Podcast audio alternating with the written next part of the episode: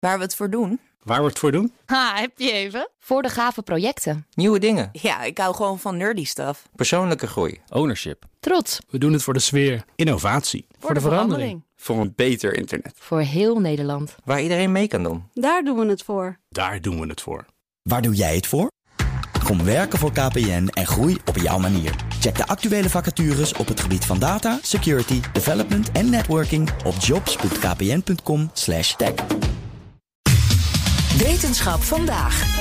Artsen van het Erasmus MC, het UMC Utrecht en het UMC Groningen hebben de eerste hartdonatieprocedures in Nederland uitgevoerd. Waarbij een stilstaand donorhart in een machine buiten het lichaam weer aan het kloppen wordt gebracht voordat het getransplanteerd wordt. Klinkt zeer interessant en degene die daar alles over weet, dat is natuurlijk onze collega en wetenschapsredacteur Carlijn Meinders. Goedemiddag Carlijn. Goedemiddag. Ja, interessant voor vooral dat dat hart dus eerst heeft stilgestaan, gestopt met kloppen.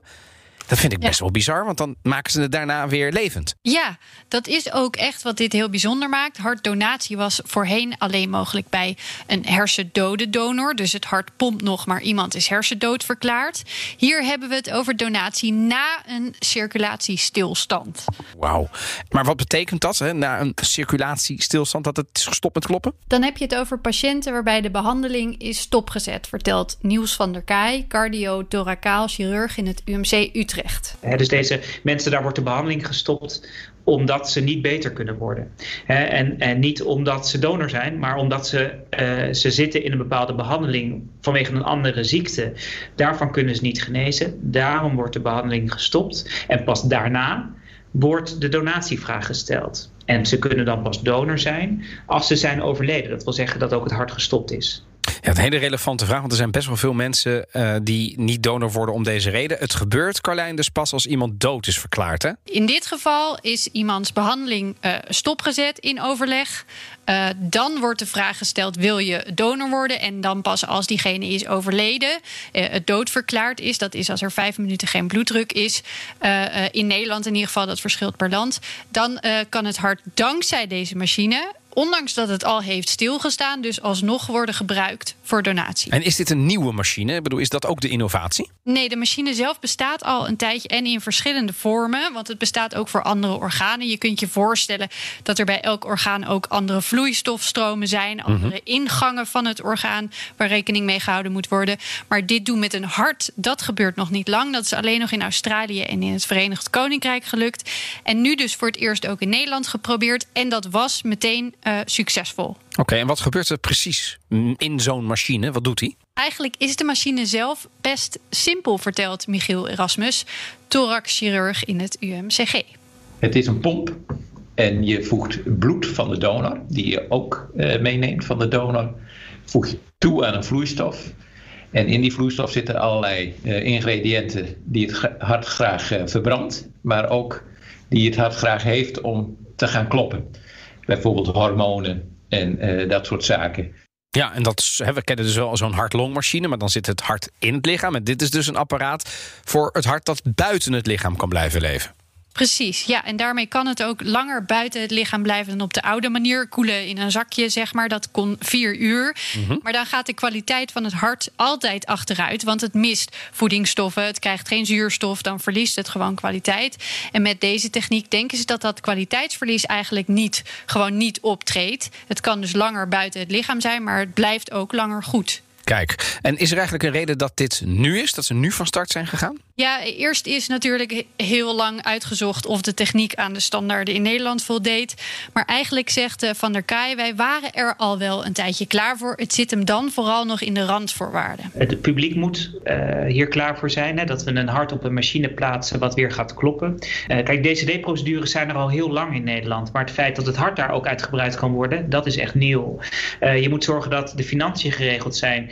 VWS moet erachter staan. De Nederlandse moet eruit zijn. Maar je hebt ook intensivisten nodig die uh, helpen om het programma uh, uit te rollen. Want zij moeten uiteindelijk de vraag stellen aan de nabestaanden van de donor: van willen jullie ook het hart doneren? Ja, en een van de belangrijkste vragen, Carlijn, is natuurlijk... we hadden het er net al een beetje over, de, de, de donoren. Gaat dit nou zorgen, denk jij, voor meer donorharten? Ja, het is zo uh, dat in Nederland relatief veel DCD-donoren zijn. Hè? Hm? Donation After Circulatory Death. Oké. Okay. Uh, dat, zijn er, uh, dat is zo'n 50% oh, van de hoog. donorharten. Ja.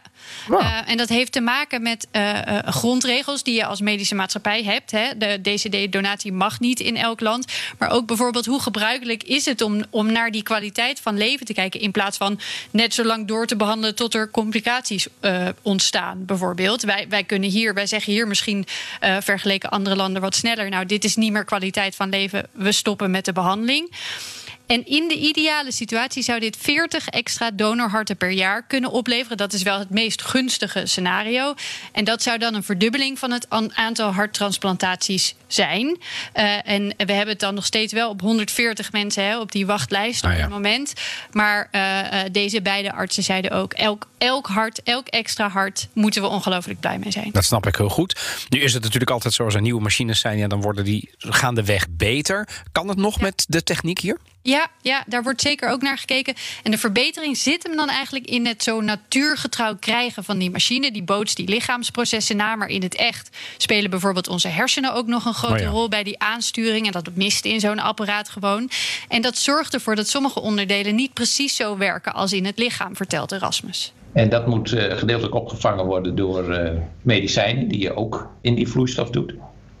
En wat we ook zien is dat het niet echt een natuurlijke situatie is. Want bijvoorbeeld de stroom door de kransslagaderen, dat zijn de, de bloedvaten die het hart zelf moet pompen om zijn hartspier uh, van zuurstof te voorzien.